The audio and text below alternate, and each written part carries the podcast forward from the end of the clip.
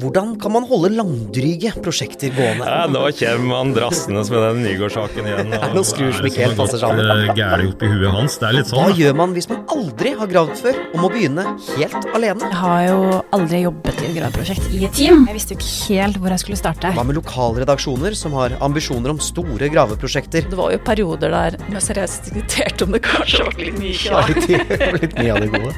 Og hvordan angriper man saker med kalde eller døde spor? med arkeologisk etterforskning, om man skal, skal kalle det det. da. I dette forspillet til den første fysiske Scoop-konferansen på tre år skal vi se på metoder, utfordringer og ideer fra seks journalistiske prosjekter.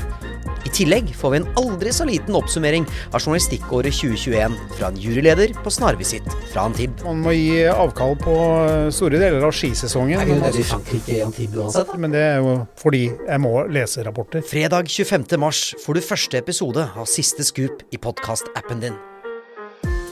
Vi høres!